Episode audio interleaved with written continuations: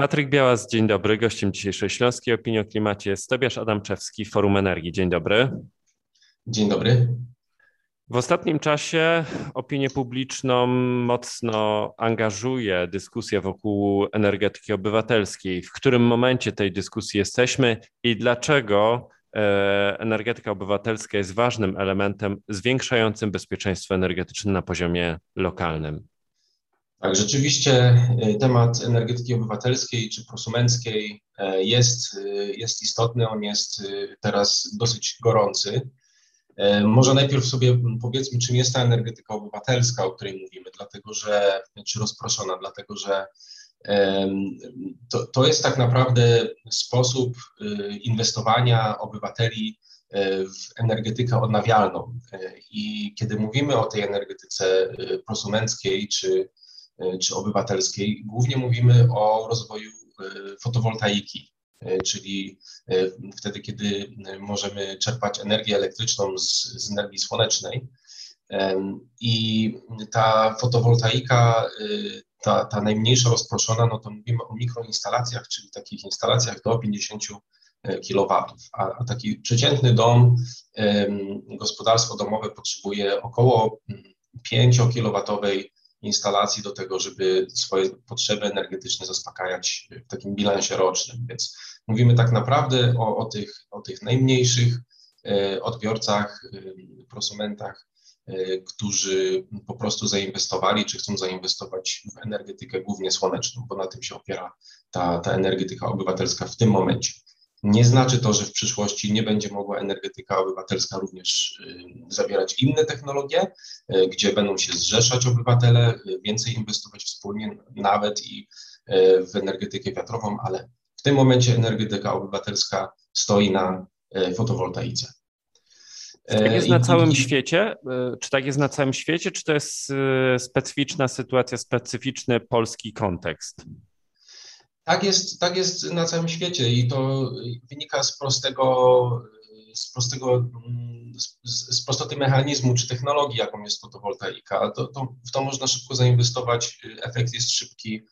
Tutaj ingerencja jest, jak jeśli na przykład w dach, no to, no to ekipa jest w stanie zainstalować tego typu instalacje w, w ciągu miesiąca, dwóch, w zależności od tego, jaka jest dyspozycja. Tutaj niepotrzebne są jakieś E, szczególne pozwolenia na budowę, a nie inne, innego rodzaju formalności. Trzeba po prostu zgłosić taką inwestycję. Więc ze względu na prostotę technologii, tak, to jest to, co e, dominuje w energetyce obywatelskiej na świecie. Natomiast w innych krajach, kiedy e, są ku temu stworzone warunki, to ta energetyka obywatelska również obejmuje inne technologie i, i, i to do, do tego też w Polsce pewnie będziemy dążyć. No to teraz wróćmy do tego pytania, które postawiłem na początku, czyli dlaczego energetyka obywatelska jest ważnym elementem zwiększającym bezpieczeństwo energetyczne na poziomie lokalnym. Tak, no to, to z tym bezpieczeństwem energetycznym wydaje mi się, że można podejść do niego e, z, z różnych stron. E, to jest takie duże słowo. E, z jednej strony można mówić o takim technicznym bezpieczeństwie, czyli że mamy energię elektryczną, którą wytwarzamy wtedy, kiedy na przykład ją potrzebujemy. Mm, I mm, mamy szczyt dzienny, e, w którym e, po prostu e, społeczeństwo i, i, i przedsiębiorstwa wykorzystują energię dlatego, że po prostu pracujemy, tak, i, i potrzebujemy energii elektrycznej. I ten szczyt dzienny na przykład w lato jest w coraz większym stopniu zaspokajany energetyką rozproszoną fotowoltaiczną. Mm, jak spojrzymy na, na to lato, które właśnie już minęło, to w tym szczycie y, dziennym y, energetyka w ogóle fotowoltaiczna, ale która jest na ten moment jeszcze zdominowana właśnie tą y, obywatelską, pokrywała około 14% mm, zapotrzebowania. Także to już jest bardzo dużo, jak na cały system y, elektroenergetyczny. Co więcej, y, ta energetyka właśnie prosumencka, ona mm, jest wytwarzana w miejscu, gdzie się ją konsumuje, czyli oprócz tego, że do systemu wchodzi energia ze słońca i korzystają z niej e, inni, e, to jeszcze w tym samym momencie, kiedy ją produkujemy, na tyle, ile potrzebujemy, to, to z niej korzystamy. Czyli y, to bezpieczeństwo energetyczne, o którym mówimy w szczycie letnim, ono wtedy jest pokrywane właśnie dzięki fotowoltaice. I to jest jeden aspekt. Drugi aspekt to jest taki, że mamy bezpieczeństwo przed takimi skokowymi wzrostami cen, które teraz na przykład widzimy. I ci prosumenci, którzy zainwestowali e, swoje pieniądze e, w poprzednich latach i mają swoje instalacje fotowoltaiczne, no to dzięki temu, że e, właśnie mają tą autokonsumpcję, właśnie dzięki temu, że produkują energię i później mają z tego powodu benefity w rachunkach za energię, no to oni są w głównej mierze uchronieni przed tymi skokowymi wzrostami. Nie znaczy to oczywiście, że wzrosty będą trwałe na zawsze i że, że w tym momencie jesteśmy w wyjątkowej sytuacji, ale y, takie bezpieczeństwo y, też może być rozumiane jako bezpieczeństwo energetyczne, tak? Ale jeszcze trzeci aspekt jest, o którym chciałem wspomnieć i, i to też nie jest może taki y, sposób zdefiniowania tradycyjnego bezpieczeństwa energetycznego, ale rozwój ten, tej energetyki prosumenckiej chroni nas przed smogiem, tak? Jeśli używamy kombinacji e, instalacji fotowoltaicznej z pompami ciepła i oczywiście termomodernizacją, no to wtedy chronimy się przed, e, przed smogiem e, przez to, że po prostu mamy szansę na to, żeby wymieniać te kopciuchy na, na inny alternatywny sposób ogrzewania. Więc, więc ja bym się patrzył na to właśnie bezpieczeństwo energetyczne z tych trzech, z tych trzech poziomów, jeśli mówimy o, o, o energetyce obywatelskiej. Dlaczego teraz, zgodnie e, w opinii ekspertów, nad rozwojem mikroinstalacji w Polsce e, pojawiły się czarne chmury? No tak. E, rzeczywiście mm, jesteśmy w takim momencie, gdzie jest dyskusja na temat tego, jak ma wyglądać przyszłość energetyki obywatelskiej, ile jej ma być, jaki ma być system wsparcia, i, mm, i w takim razie do czego nas to doprowadzi.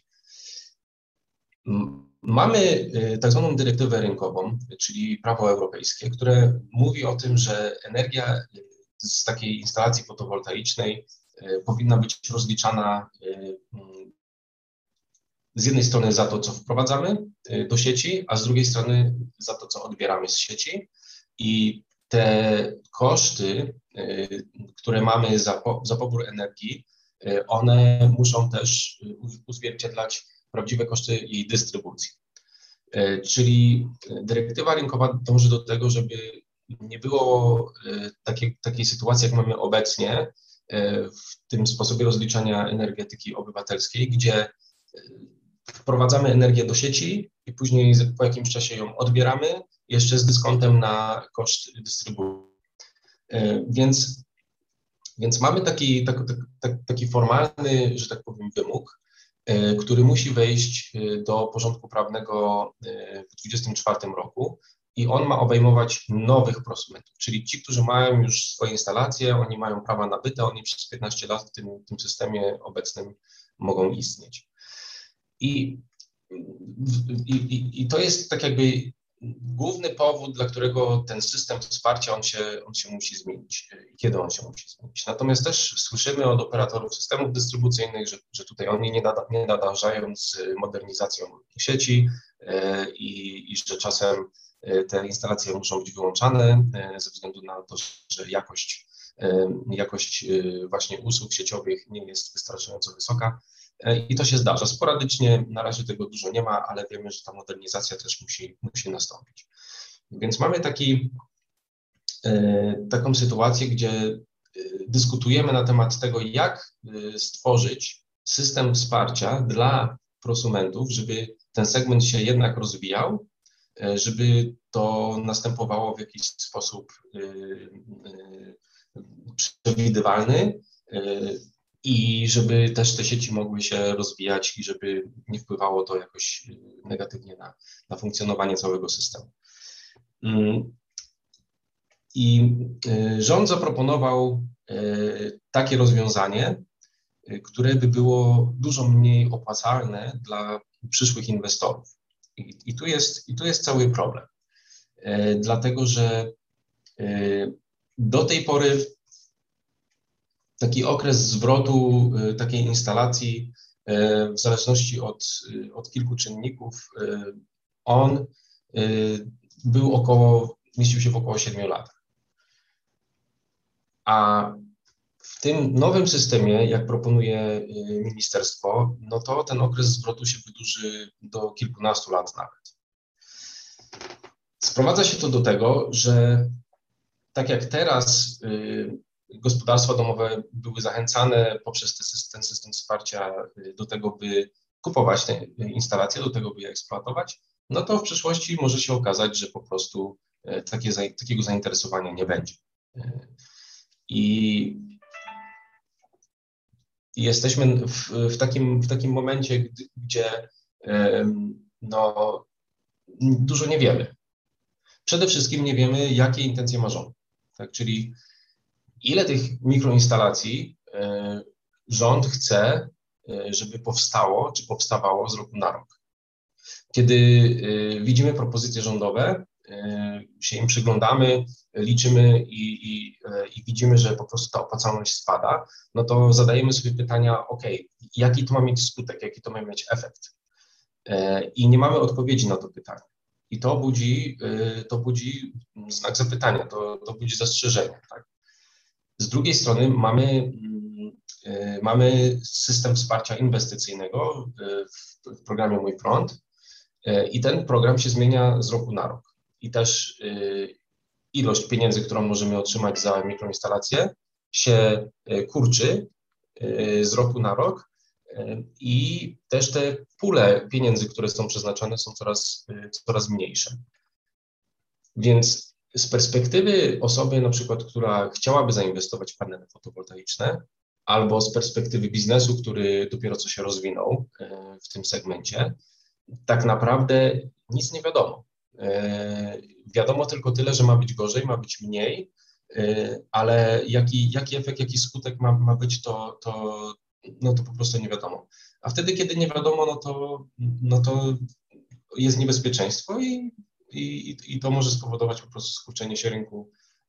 Wiemy, że osoby indywidualne wycofują się na przykład z programów parasolowych, e, gdzie mm, jest system wsparcia e, dla danej gminy, ale kiedy mają się zmienić warunki rozliczenia e, tej energii w przyszłości, no to ludzie po prostu się boją i się wycofują. No dobrze, w takiej sytuacji niepewności, jako Forum Energii, zapewne macie pewną propozycję, w jaki sposób rozwiać te chmury nad energetyką obywatelską w Polsce. Tak, my rzeczywiście y, tutaj popełniliśmy raport y, w tym temacie, y, gdzie najpierw patrzymy na diagnozę, gdzie rzeczywiście są, są te problemy i później sugerujemy jakieś, jakieś rozwiązania. No.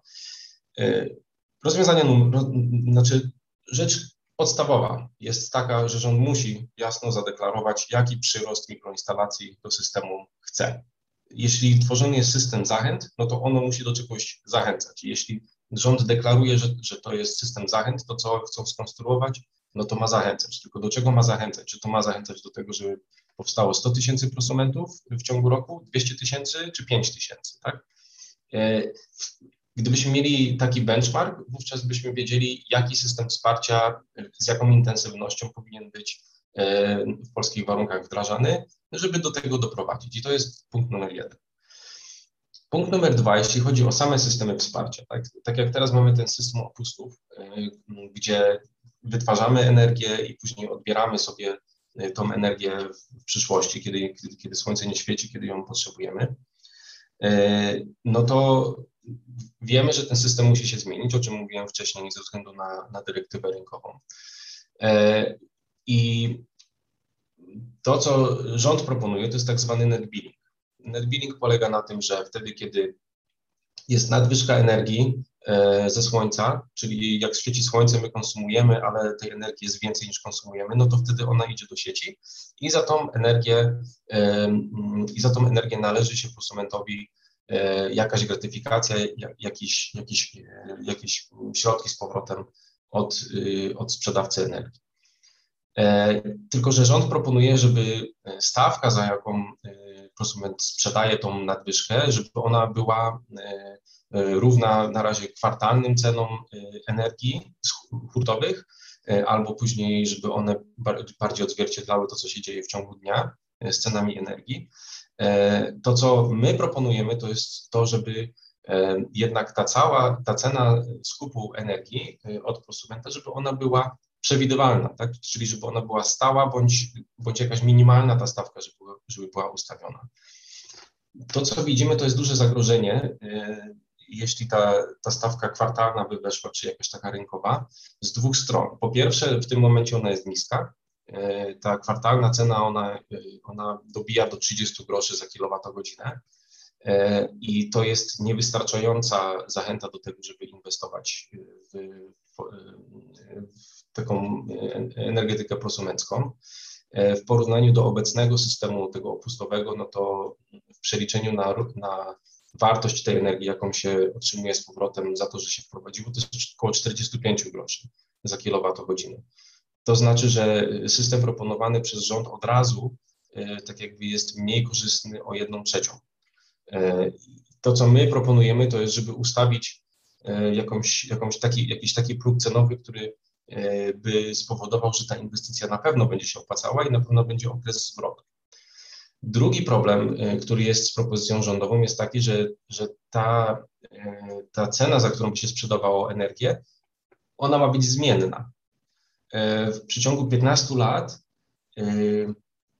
na pewno będą wahania cen energii, nawet jeśli się przewiduje, że one będą rosły średnio, to to nadal jest ten aspekt dużej niewiadomej. Szczególnie, że po 2024 roku y, miałoby wejść system rozliczania taki bardziej, jeszcze bardziej rynkowy, na przykład rozliczania za, za godzinę